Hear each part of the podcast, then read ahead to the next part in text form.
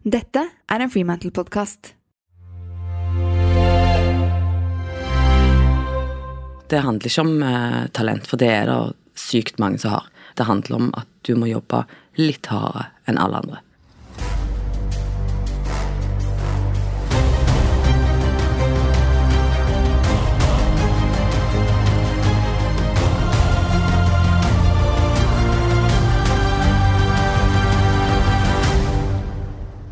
Jeg er mentaltrener Cecilie Ystenes Myhre, og i podkasten Grit skal jeg gi deg noe av hemmeligheten bak suksessen til ulike fremadstormende mennesker.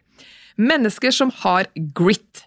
Pia Tjelta er dagens gjest i Grit. Pia startet sin karriere som skuespiller midt på 1990-tallet, og har jo da hatt mange sentrale roller i flere kjente norske filmer, som annet Buddy, Mars og Venus, Lunsj.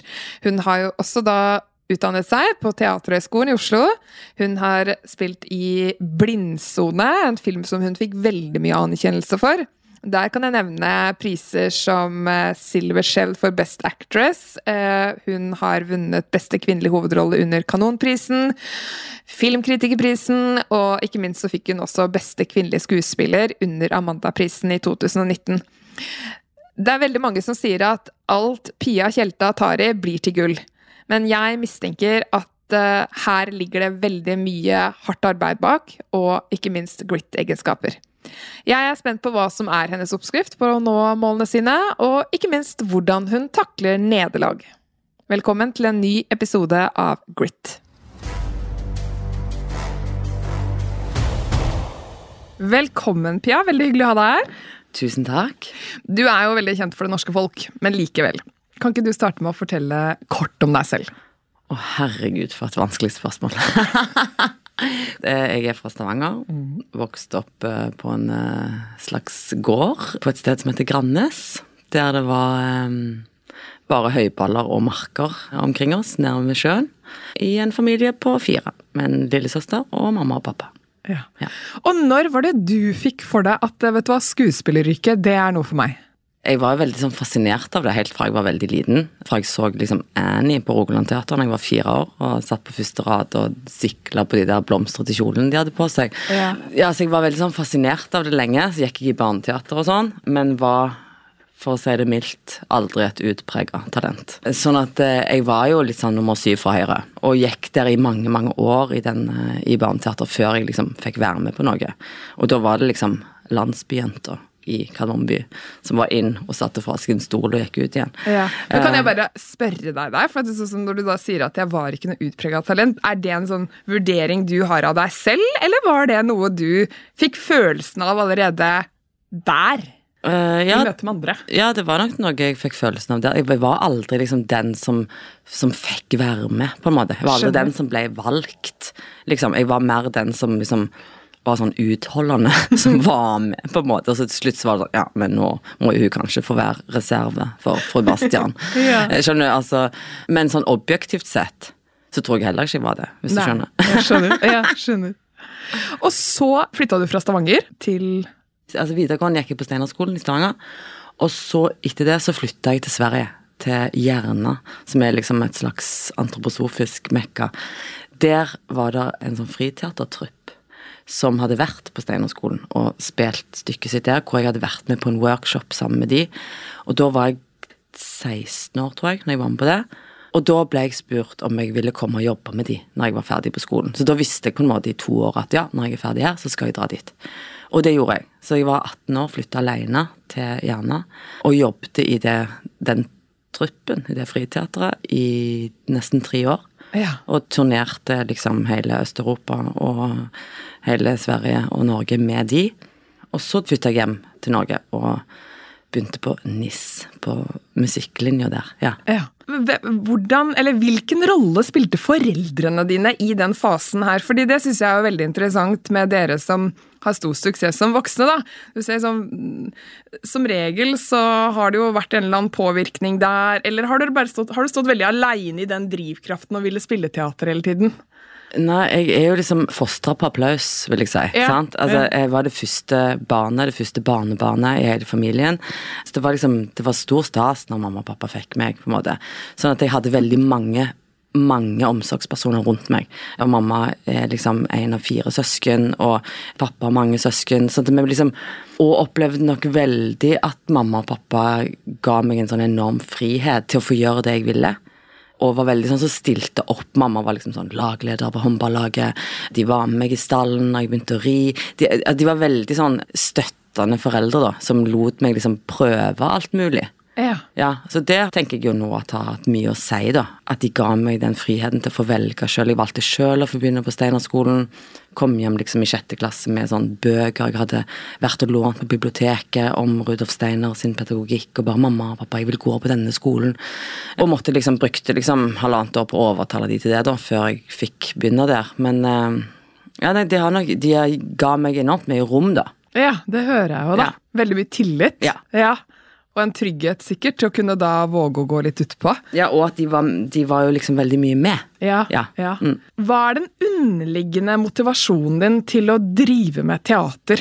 Og det finnes det jo veldig mange grunner til å drive med, spør du meg. Ja. En del av det som mitt yrke innebærer, er jo å utsette seg sjøl for ting som man er livredd for. Eller ting man frykter, og ting man ikke kan, eller eh, ting man ikke er spesielt gode på. Så nettopp det der å, klare å mestre ting jeg er redd for, og tørre å utsette meg for det, er jo òg noe av det som gir meg et liksom rush, og som igjen fører til en sånn mestringsfølelse, da.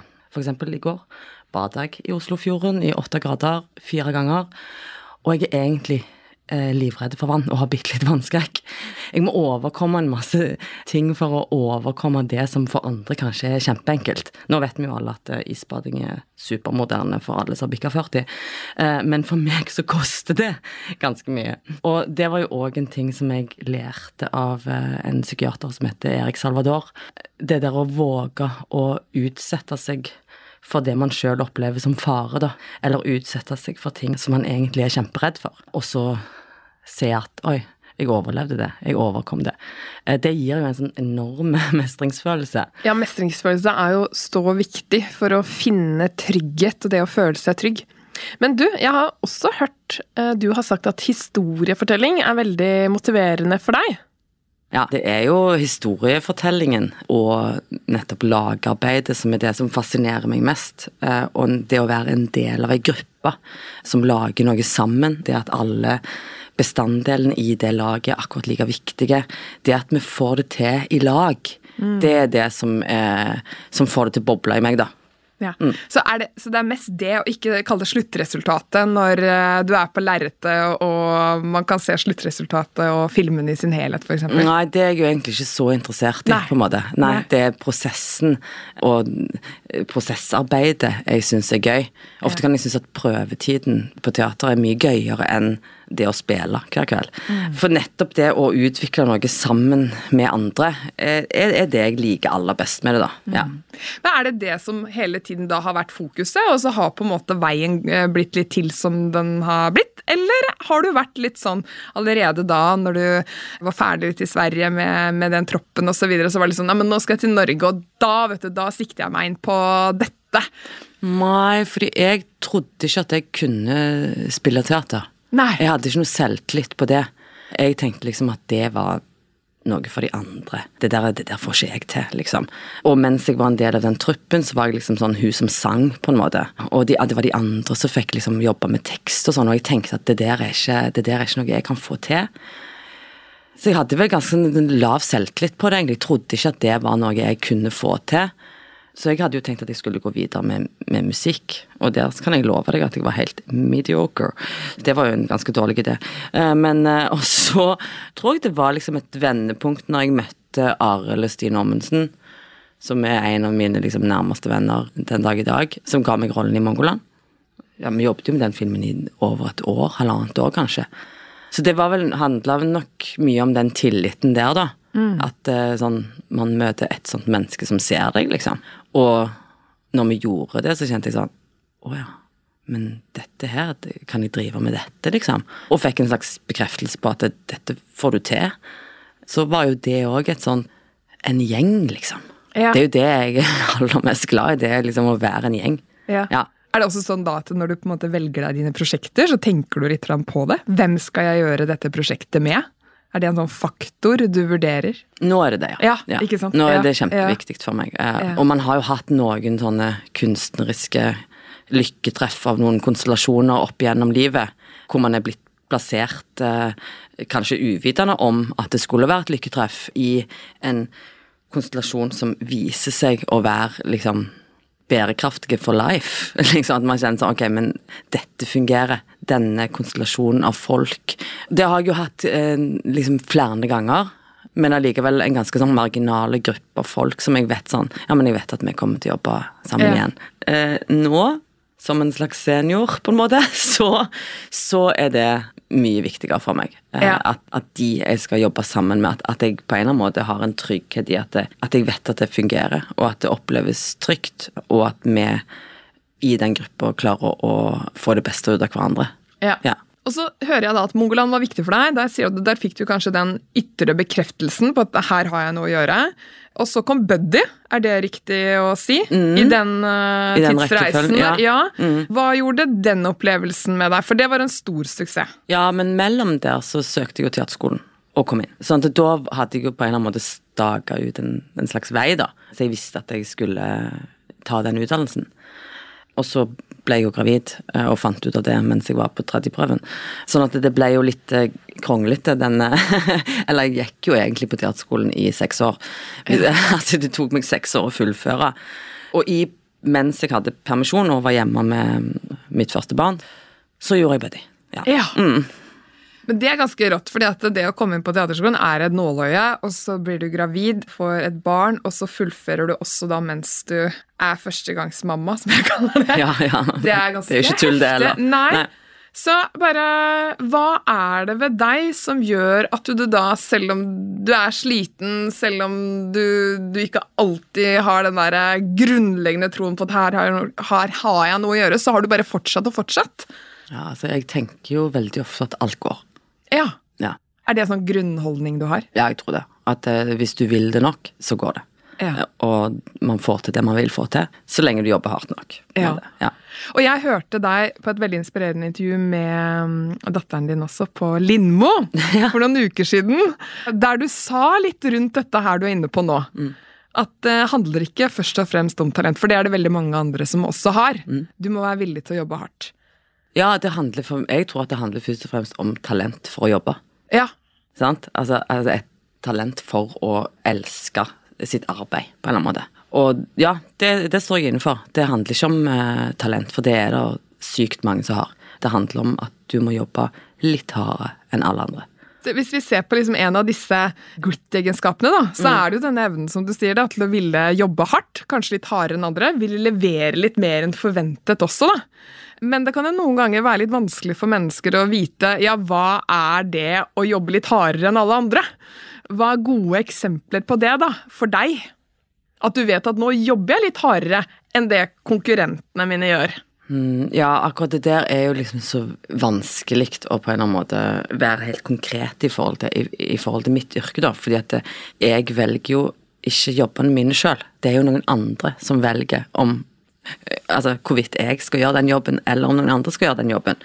Men for meg tror jeg det, det der ekstra handler om dedikasjon inn i et prosjekt om å være dedikert til, til arbeidet sitt, på en eller annen måte. Og det tror jeg nok at jeg er, for at jeg kan bli besatt. Ja. Liksom, av en karakter, eller av et stykke, eller av Jeg er ganske liksom nerd, på en måte. Og, og, og- det vet jeg jo, at de som jobber med meg, vet jo at det er det de får. på en måte. De får et overengasjert og ganske så dedikert menneske inn i prosjektet sitt. Og det er jo både på godt og vondt. Jeg kan bli, jeg kan bli for mye i det noen ganger. Jeg kan bli for engasjert. Eh, altså Jeg kan legge meg i ting jeg ikke har noe med. Skjønner du? Jeg kan nesten liksom innta sånn produsentrolle. At det liksom som, som er helt langt ut fra mitt embete som skuespiller. Fordi jeg blir så engasjert, og fordi at jeg ser prosjektet som en helhet. Jeg tror det òg liksom handler om trygghet. At Før var jo det en ting som kunne gjøre meg usikker. At jeg kunne bli så engasjert, og at jeg kunne ville så mye. Mens nå vet jeg jo fordi jeg er voksen, at eh, det er jo en av mine styrker. Og at eh, de som elsker å jobbe med meg, de elsker meg jo for nettopp det. Jeg er mye mer fortrolig med det nå enn jeg kanskje var når jeg var yngre, da. Ja, Også fordi du har fått god altså bevis da, på at det faktisk fungerer. det har jo det. Du har jo det. Men det jeg syns er veldig interessant, det å bli vurdert og evaluert og bli kasta terning på i det offentlige rom, er jo noe av det veldig mange mennesker er veldig redd for. Og i hvert fall når man har lagt hele sin sjel i noe, og så skal det bli vurdert av noen andre. Det krever veldig mye mental styrke, tenker jeg. Hvordan forholder Ja, du deg til det? ja, hvordan forholder du deg til det? Fordi det, er, det kan godt hende du ikke liker det, men, men du har jo uansett fortsatt Jeg har utsatt meg for det, ja. Ja, ja. ja.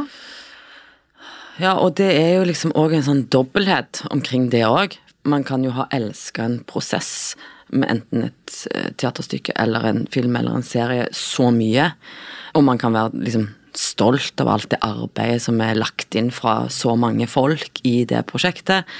Og det kan være fylt av hjerter, sant. Og så, i møte med med publikum eller en kritiker, så kan det liksom bli liksom bare smuldre opp til ingenting, eller at man kan føle at noen bare tar Har en, en slags form for overfladiskhet i forhold til det. sant? At det bare sånn Ikke det, vær så Sant? Altså, når så mange har, har lagt sjela si i det, da. sant? Det kan jo være liksom på en måte sårt, og det kan være, gjøre at man blir liksom redd og sånne ting. Og samtidig så kan man jo òg ha et bare rett og slett ta et sånn ytre blikk på det og si sånn mhm, Ok, det der er en subjektiv mening fra en person, eh, og det er helt greit. Det må han eller hun få lov å mene. Uansett så står vi inne for det arbeidet vi har gjort. Altså Man kan finne mange sånne måter å liksom håndtere det på.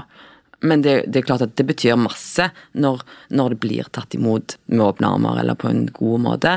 Og når det ikke blir det, så kan man jo bli kjempelei seg, selvfølgelig. Jeg vet ikke hvordan jeg håndterer det. Jeg, jeg, jeg, jeg har ikke noen sånn metode for det. Men åpenbart så har det i hvert fall ikke stoppet deg fra å fortsette. Og det er jo litt det du sa i, i Lindmo-intervjuet også, at du, man får jo mange nei da, Mm. på auditions. Og det er det jeg litt lurer på. Hvordan forholder du deg til et nei?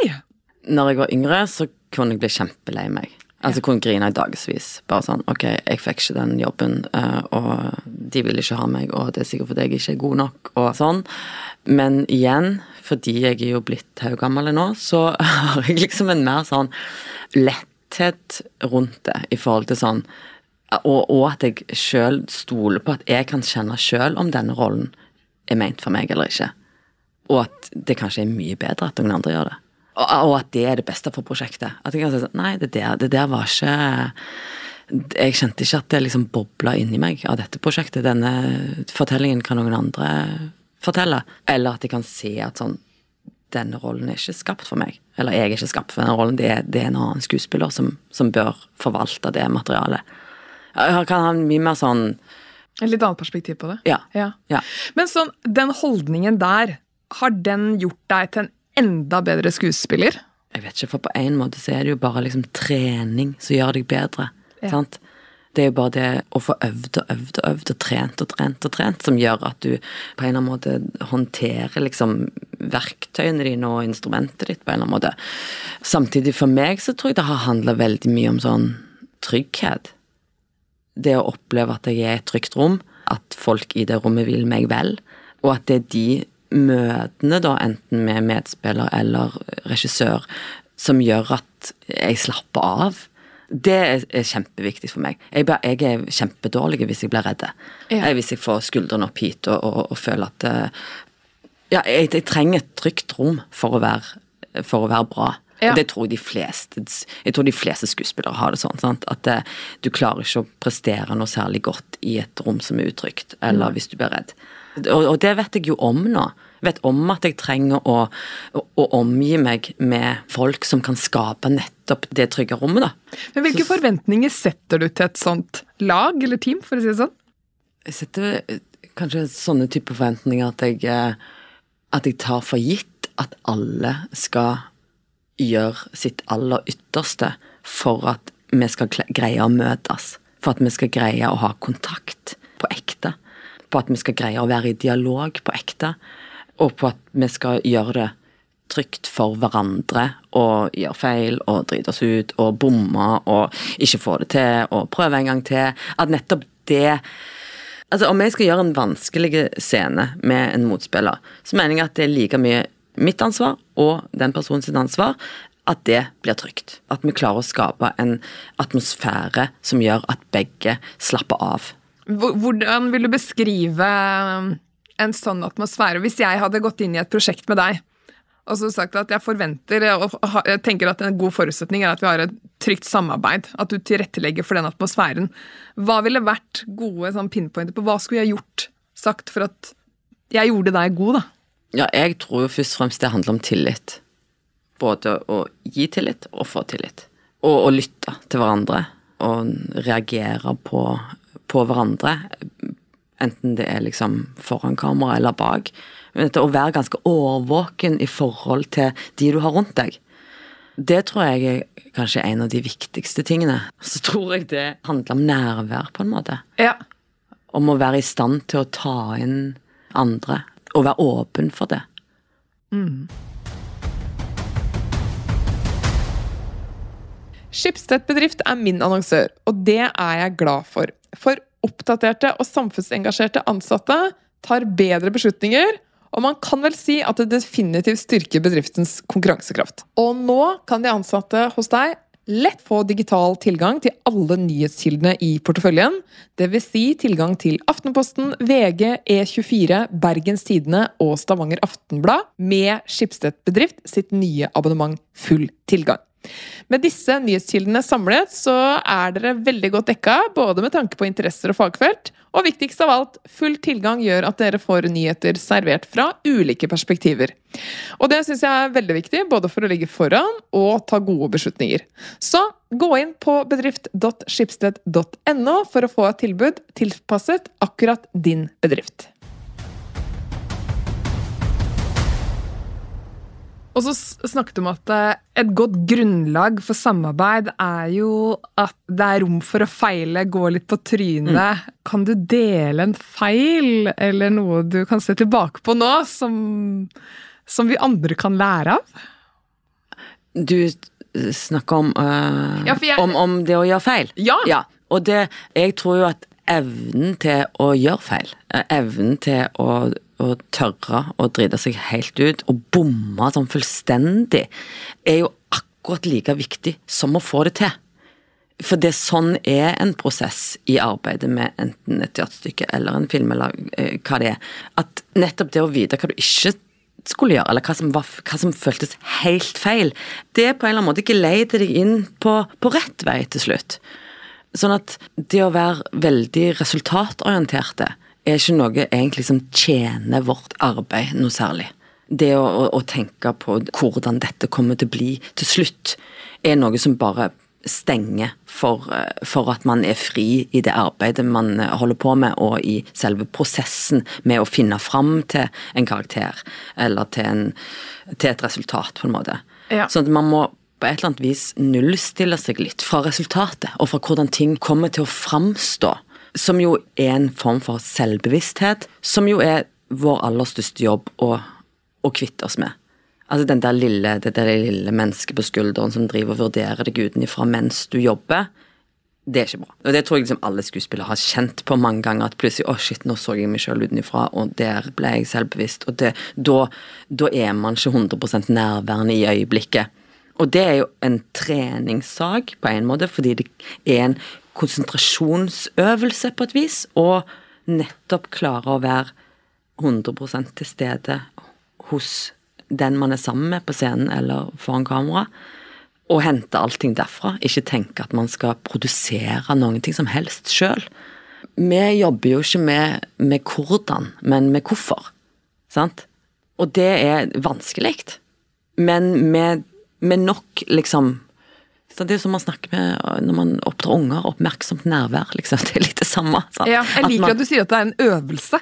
Ja, det er trening. Ja, det, er trening det, er rett og slett en, en, eh, en, form for muskel, sant? fordi det er konsentrasjon. Mm. Du må konsentrere deg og det er jo noe man gjør liksom mentalt på en eller annen måte. sant? At jeg må konsentrere meg for å emosjonelt være til stede. Et annet sted enn bare hos meg sjøl. Dette resonnerer. Og så tenker jeg at dere er ofte på prøve. Som jeg sier, det er litt den derre Dere bestemmer ikke alltid jobbene selv, selv om man eh, på et tidspunkt kan begynne å velge. Og da lurer jeg på hvordan forbereder du deg inn mot settinger der du vet at du kommer til å ha et litt høyt spenningsnivå? Litt stress, litt nerver, litt klamme hender. Hvordan forbereder du deg, Pia? Jeg forbereder meg med å være godt nok forberedt. Innholdet i det, ingrediensene i det. Hvis du skulle nevnt to-tre elementer Nei, i sånn som nå når jeg gjør hovedrolle i TV-serie, som jeg aldri har gjort før, som er 80 innspillingsdager på rappen, som er et langt løp, som er, krever liksom en eller annen form for utholdenhet og kondisjon. Jeg var ganske redd for det før vi starta, at jeg skulle bli at jeg, jeg tenkte sånn, jeg kommer jo til å bli helt dødsliten. For det, når du er ti timer på sett, så er det jo klart det er, det er jo slitsomt. Du må konsentrere deg hele veien. Og det er masse folk rundt deg og masse støy rundt som du må greie å blokke ut. Så det er jo òg en konsentrasjonsøvelse på et eller annet vis. Og det var litt sånn, det var litt sånn eh, skrekkenytende først å liksom skjønne omfanget av liksom sånn Ok, åtte episoder av 45 minutter, og jeg er jo faen meg med i nesten hver scene her. Hvordan skal, dette, hvordan, hvordan skal jeg få til dette? Men så opplever jeg at når man får en viss kondisjon på det, så begynner det å bli lett. Og det er jo det å finne fram til liksom lettheten i arbeidet, på en måte. Selv om scenene kan være tunge, og selv om materialet kan være liksom dramatisk og tungt, så er det noe med å finne den i alle fall for meg, da. Finne den Hvordan skal vi få dette til å fly, liksom? Hvordan skal, hvordan skal dette gjøres lett, og at det skal være lett å gå på jobb? Og at man skal få en sånn Komme i flytsone på det, da. Ja. For å svare på spørsmålet ditt, så hvordan jeg forbereder meg til et sånt løp, er at jeg forbereder meg nok. At jeg har lest det manuset i huet og rassa, liksom. Opp og ned i mente, forlengs og baklengs. Og at jeg har jobbet med scenene og prata masse både med manusforfatter og regissør. Sånn at når jeg da kommer og begynner, så har jeg oversikt. da. Jeg har oversikt over et langt, langt løp. En stor bue, på en måte, i fortellingen. Og så hopper man jo selvfølgelig, man filmer jo ingenting kronologisk. Sant? Man hopper jo fram og tilbake hele veien. Og òg selv om man forbereder seg godt og kan teksten sin og heisveis, liksom, altså de basics, liksom, så for meg så handler det òg igjen om å nullstille litt, da. Når man vel står der. Ja, for da har du gjort dine ting. Ny fase. Ja. Ikke planlegge Nei, ting. da er det denne tilstedeværelsen igjen. Ikke, Ny drill. ikke ha bestemt seg for hvordan noen ting skal være på forhånd. Bare være til stede i øyeblikket og se hva som skjer i møte med medspiller. Hva oppstår? Hvordan lar man en situasjon få lov til å vokse og bli større enn det han var på papiret? Ja, altså Ikke bestemme seg for noen ting. Ikke ha planlagt. Rett og slett slippe kontrollen. Ja. Ja. Og så hører jeg jo at du kan jobbe mye. Og jeg kan bare forestille meg antall timer. Har du noen ganger vært i ferd med å jobbe deg i hjel? Ja. Ja. Det er ikke så lenge siden, faktisk. Nei. Nei. Fortell om den erfaringen. Nei, da var vi i eh, London og gjorde Fruen fra havet på eh, et teater i Notting Hill der. Som selvfølgelig var veldig stor stas, og selvfølgelig òg masse press, liksom. Altså, altså hvis vi sklir nå med Fruen fra havet i London, så er det jo bare å pakke sekken, liksom, og Men ja, og så var det jo kanskje sånn 70% av teksten var på engelsk. Det hadde jeg aldri gjort før. Og castet var delvis norsk, delvis engelsk. Men jeg hadde eh, Marit Moe Maune som regissør, som jeg kjenner godt og er veldig trygge på. Som òg er regissør på den TV-serien jeg gjør nå, så det er liksom Ja. Hun er jo et av de er kunstneriske lykketreffene, på en måte. Og jeg var sammen med Kåre Konradi, som jeg eh, kjenner kjempegodt og har jobbet med i mange år, som en del av hans eh, Ibsen-kompani. Men bare det der sjokket med hvor mye jobb det var å gjøre en rolle på et annet språk, var jo ganske sånn overveldende. Så det krevde jo at jeg jobbet 10 000 ganger mer med teksten enn jeg kanskje hadde trodd. For å få et nytt språk ned i kroppen, og for å liksom bunne helt ned i magen på, på engelsk. Sant? For ofte blir det så overflate. Sant? Det blir sånn Oh, yes, I can say those words. Du, du, du, du. Men det har liksom Det, det, det resonnerer ikke inn i liksom marg Nei, du, du ville kjenne min, det som om det var ditt språk. Jeg måtte jo det, og det var liksom ikke så nøye om det hørtes så veldig proper English ut. Det var ikke så nøye. Jeg kunne fint snakke med min på en eller annen måte tone i det. Eh, Og Elida skulle ikke være engelsk, hun skulle være norsk, sant? Eh, men hadde gifta seg med en engelskmann. Så hun, jeg trengte ikke å liksom jobbe så veldig mye med sånn Flåttenfeier-uttale. Det ble helt sekundært, på en måte. Men det var det at jeg, Pia, måtte kjenne at teksten bunna ned i min kropp. Så jeg gikk liksom eh, Scenografien vår var eh, laga av sand. Så jeg gikk barføtt i den sanden sånn etter prøver, og i England så prøver de fra ni til seks. Sånn, de har kjempe, kjempelange dager, og så har de bare fem ukers prøvetid, mens vi her i Norge har åtte uker. Det er ganske stor forskjell. Så jeg, jeg sto opp eh, halv sju, traska opp til sånn eh, liten kaffebar som vi hadde på hjørnet der. Kjøpte en kaffe. Så gikk meg og Marit på Pilates i liksom studio ved siden av teatret. Fra liksom halv åtte til halv ni. Ni begynte med prøver. Holdt på der til seks. Ble, da ble jeg sånn igjen på, på kveldene og gikk i den der sanden og trødde den teksten ned i kropp og sand. Og jeg dro hjem hver helg til ungene i starten av prøveperioden. Så liksom fredag ettermiddag snages, fly mm, mm, mm, hjem til tvillinger på tre og et halvt, som jo selvfølgelig ikke sov.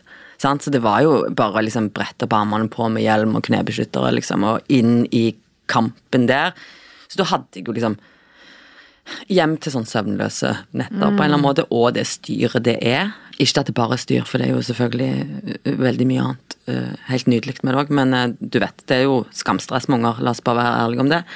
Og så tilbake igjen, liksom seks blank på mandag morgen for å gå rett på prøver. Sånn holdt jeg på i liksom fire uker, fram og tilbake. I det vi hadde premiere, så kom mamma og tvillingene og min eldste datter over. Så da kjørte jeg jo litt sånn barnehage på dagtid i to uker. Sånn, ja ok, la oss gå til La oss dra til London Eye og London Aquarium og altså, hvor fant du energien Nei, nei, nei, jeg hadde jo ikke energi. Jeg, hadde jo, altså, jeg var jo eh, helt ute og sklei. Og så, et- etter, et, mamma og ungen hadde vært der i to og en halv uke, hasta la vista, snakkes, få de hjem, så samme dag landa designteamet mitt i, i London for at vi skulle tegne neste sommerkolleksjon på fire dager. Bare sånn. Og da For å adde noe til. bare, bare litt. Grann. Og da for det, um, printdesignerne våre bor i Paris, de fløy inn til London, og Nina, min nærmeste designpartner, fløy inn fra Oslo. Og vi skulle liksom naile dette her på dagtid, og jeg skulle jo bare ned og spille på kvelden. Had, sånn tenkte jeg sånn, men herregud, det går jo helt bra, jeg har jo fri på dagene. Det går helt fint. Så jeg undervurderte jo litt det der at, eh, at du faktisk skal ned og dra, liksom, Fruen fra havet. Eh, Det er jo ikke tull, liksom. Men fakturaen på dette, Pia, hva var det? Det var jo rett og slett inn på sykehus i London midt på natta med full CT-MR-scan og full EKG, fordi den ene kvelden etter at, etter at vi hadde ferdigstilt kolleksjonen, så står jeg på scenen og ser plutselig trippelt Kåre Conradi og trippelt av Øystein Røger og alle de andre, og kjenner ikke beina mine. Og er liksom prikker i halve ansiktet, og kjenner ikke hendene mine. Klarer liksom å gjennomføre på et eller annet uh, sjukt vis, men hun er jo ikke liksom i toppform, hun der Elida Wangel heller, så det var i grunnen greit. Sånn at det, det Og kom jeg av, og det bare fortsatte. Så det var sånn, ok, du må til legen, liksom. Ja, ok, greit. Kom jeg til lege, og han sier bare You need to see a neurologist, and you need to see him now. Jeg bare Greit, ok. Så da var det full liksom alarm. You might be having a stroke-aktig. På blodfortynnende, inn på sykehus. Få gjort en skann klokka to på natta. Og da tenkte jeg at ok, hvis dette liksom er omkostningen, var det liksom verdt det? Hadde jeg gjort det igjen, liksom? Hvis jeg ikke kom meg hjem til ungene mine nå. Det var ordentlig sånn skrekk, da. Så jeg fikk helt superpanikk etterpå. Fikk helt megadødsangst. Som varte skikkelig lenge. Og da var det nesten sånn at jeg ikke kom meg gjennom siste uken med spilling i London. Og så kom Tuva over, og, og liksom lå oppi senga med meg, liksom inne, sånn, eh, og strøyk på meg. Gikk sånn liten tur med meg, sånn Nei, jeg må visst legge meg ned igjen, jeg. Sånn, inn igjen, og så Men jeg spilte siste uka, og så kom kjæresten min og henta meg. Ja. liksom, og det var først når han kom til London at jeg liksom knakk i fillebeder, på en måte. Ja, ja. For da hadde jeg vært så eh, ekstremt redd sant? for at det var noe ordentlig galt med meg. Eller for at jeg var liksom alvorlig syk, liksom. Så da, kom jeg meg nesten ikke på flyet hjem, hvis du skjønner. For jeg var så pirfodlig angst at jeg ikke eh, Så da kom jeg hjem, lå på sofaen i to uker, tenkte nå må, nå må mor ta det med ro.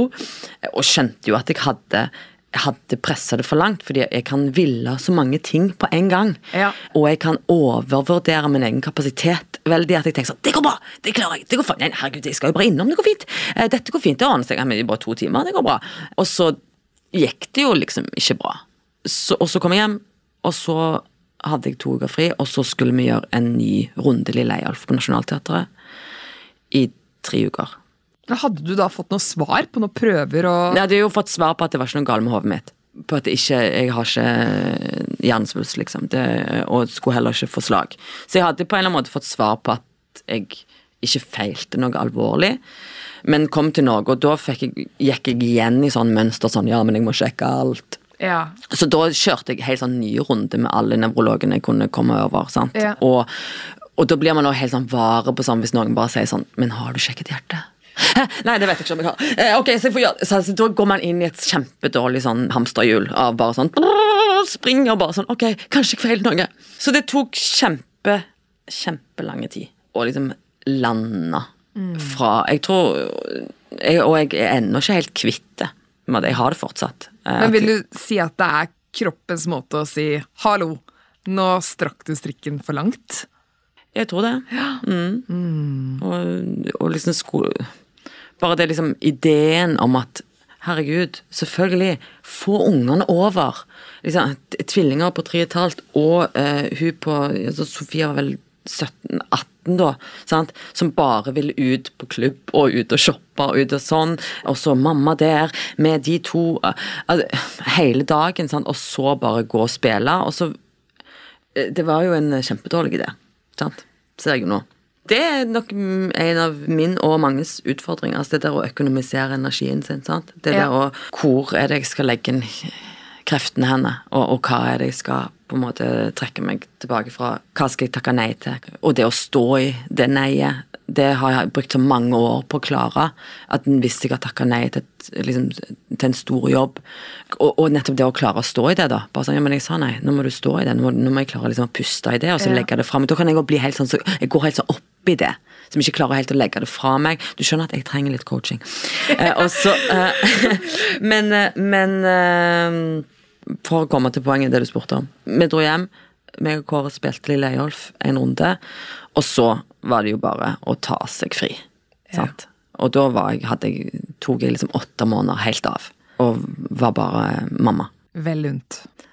ja, men, Ja. men det var jo ikke det at det hjalp. For hvis det først har satt seg en stressreaksjon i kroppen, både liksom muskulært og eh, overalt, så tar det jo 100 år å bli helt bra igjen. Men en annen ting som jeg òg lærte av Erik Salvador, som jeg tror jeg lærte for seint av Erik, var det at eh, hjernen vår skiller ikke på et simulert angstanfall og et ekte. Sånn at det som skjer med kroppen, er at eh, man, man skiller ut like mye stresshormoner som om det var helt reelt. Og idet han sa det, så ga det jo enormt mye mening, fordi da hadde jeg jo over flere år spilt mødre som har mista ungen sin. Både Rita Almers i Lille og eh, Lida Wangel i Fruen fra havet og eh, rollen i Blindsone. Så det var på en eller annen måte sånn, en sånn tematikk som jeg hadde vært inni så, så lenge, eh, over så mange år. Og jeg tror jo sjøl at jeg er en ganske liksom, sober skuespiller som bare kan gå på scenen, og så gjør jeg det, og så kan jeg ta på meg tightsen og joggeskoene igjen, og så er jeg meg sjøl. Men han lærte meg jo det at hjernen min vet ikke det. Den vet ikke at jeg eh, bare er på lat. At det ikke er eh, 100% ekte. Og det, det var en sånn ting som jeg kjente da sånn Ok, dette er jo dette er rett og slett en, en yrkesslitasje, det det jeg opplevde da. Ja, så note to self. Det må være en, en god del variasjon i eh, sinnsstemningene til rollene du spiller. Så nå må det snart komme en komedie eller noe, hvis jeg skal overleve. ja, og med det eierskapet du eh, Som du har fortalt da, at du går inn i rollene med, så, så resonnerer det så definitivt, Pia. Men jeg må jo spørre deg, da, hvordan føler du deg nå?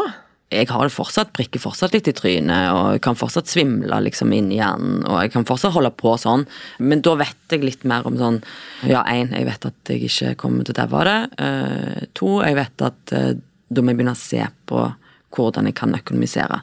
Ja. Hvor jeg kan Ok, ja, men Økonomisere er et veldig bra stikkord da, for, for, hva det handler om. Og så tenker jeg Det er så mange som sier at alt Pia Tjelta tar i, blir gull. Det er ikke eh, sant. men her hører vi jo da at eh, det det ligger bak, er jo det er så hardt arbeid da, og et mindset og et eierskap til alt du gjør, som er resultatet av det. Men så kan det også bli for mye. Mm. Som de fleste styrker kan. da. Styrker og svakheter henger jo litt sammen.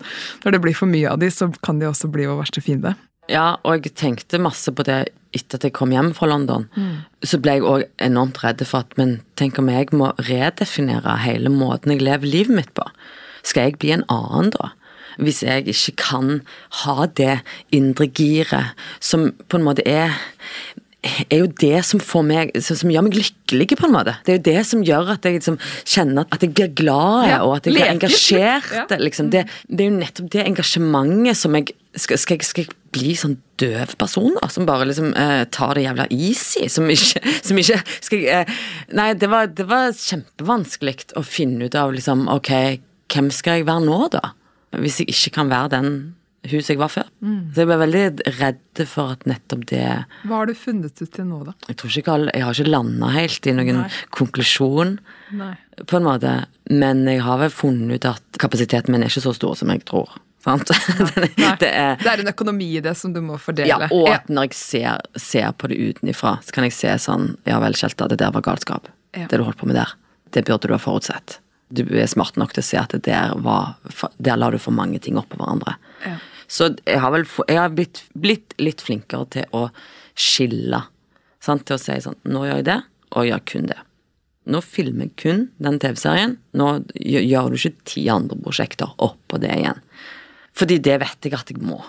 Så til de som lytter, når de tenker ok, jeg har lyst til å, lyst til å bygge opp denne mentale utholdenheten til å jobbe, stå på, fordi det er en forutsetning for å kunne både kanskje leve av det man drømmer om, ha det gøy og moro, men med den erfaringen du sitter på nå, da, hva vil du si til de? At det er akkurat like viktig å stoppe i tide. på en måte. Det er akkurat like viktig å trekke seg tilbake som å bare stå på å bare tenke at liksom, jeg må bare jobbe hardt, nå går dette toget, og jeg må bare Det, det er den balansen, sant. Det tror jeg det er en sånn type balanse som alle leter etter i livet, liksom. På når er det ok å bare gå all ekstrovert og liksom eh, kjøre på, og når er jeg nødt til å trekke meg tilbake og lukke igjen for omverdenen på en eller annen måte, eller være Ja, ta noen skritt tilbake, da. Mm. Finne balansen mellom bremsen og gassen. Ja. Mm, mm. ja så enkelt kan du jo faktisk også si. Sorry, nå roter jeg meg inn i noen greier. Ja, jeg skjønner. Ja. Eh, så enkelt kan du si det. Ja. Mm, jeg tror det, og at man eh, Jeg kan jo møte også mange yngre folk i, i mitt yrke som er kjempeambisiøse, og som er supertalentfulle folk, eh, og som vil så mye. Og kan, nå har jeg jo blitt litt sånn mor som kan si sånn du, hvis du kjenner at det er sånn og sånn og sånn, hvis kroppen din sier fra om det, så må du høre på det. Fordi jeg vet. Jeg hørte ikke på min kropp. Jeg kjørte bare på. Så altså, nå kan jeg være litt sånn der en eh, helsemor, skjønner du, som sier sånn du, du er bare 29 år. Dette går helt strålende. Du kan fint ta et halvår av, du nå. Og så kan du komme tilbake. Og det er jo ingen som applauderer deg fordi at du jobber deg i hæl. Altså, han jobber i senk og liksom eh, blir ødelagt av det. Så man har jo òg et ansvar sjøl for å ivareta sin egen mentale og fysiske helse. sant? Ofte så kan man jo være så redd for at hvis jeg stopper nå, så kommer jeg aldri tilbake igjen, eller at, det, eller at man ser et, en form for nederlag i nettopp det. Og at man er så redd for ikke liksom å fullføre. Altså, jeg tror det jeg vil si til det du spurte om, da, er mer at uh, det er helt ok å gi seg òg. Man trenger ikke være et sånt der monster som bare står på og står på.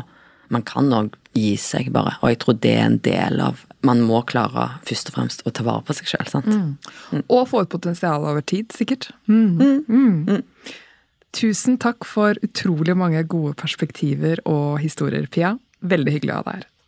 Takk for meg.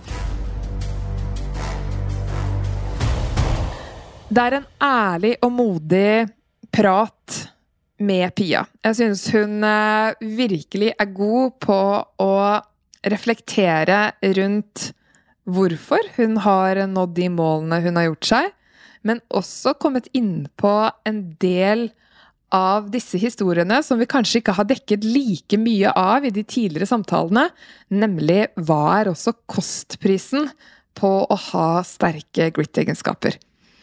Og det kan være at det rett og slett blir for mye. For det er ofte sånn at de mest dedikerte, de mest engasjerte, de som går all in i disse jobbene, de er også de som kanskje er størst i faresonen for å kunne bli utbrent. Og Pia reflekterer jo fantastisk da rundt hvor viktig det er, på samme måte som å kunne gi gass og ha det masse glede og gøy i jobben sin, også vite hvordan man skal bremse ned i tide. Men Pia snakker jo veldig godt også rundt dette med hvor viktig det var at hun hadde en sånn frihet og trygghet i bunn fra oppveksten sin. Hun snakket også veldig godt, syns jeg, på hvordan selvtilliten hele tiden har blitt trent og ja, trykket på underveis i, i løpet av livet hennes. Hun var ikke liksom hadde ikke en umiddelbar selvtillit i, i, rollen som skuespiller. Og det syns jeg er jo en god nyhet. da, Gjennom erfaringer, gjennom et mindset på at alt går, så har hun fått en god selvtillit. I tillegg så sier hun da at oppmerksomhet og tilstedeværelse, det er en treningssak. Det er en muskel du må trene. Og du må tørre å feile. Suksessen, sier hun, ligger i å forberede seg nok, og vi fikk jo også noen gode eksempler på hvor hun la referanseramma etter tiden sin i London, hvor de hadde ja, veldig mange prøveuker. Var det vel elleve prøveuker kontra åtte her i Norge? Sånne ting er interessant. Og så sier hun da igjen Like viktig som å jobbe mye er evnen å stoppe opp og kjenne sine egne fysiske og mentale begrensninger. Og det tror jeg vi alle kan ta med oss i det som har vært et heftig år med pandemien. Derfor har jeg også lyst til å gi deg en øvelse i hvordan du kan stoppe i tide.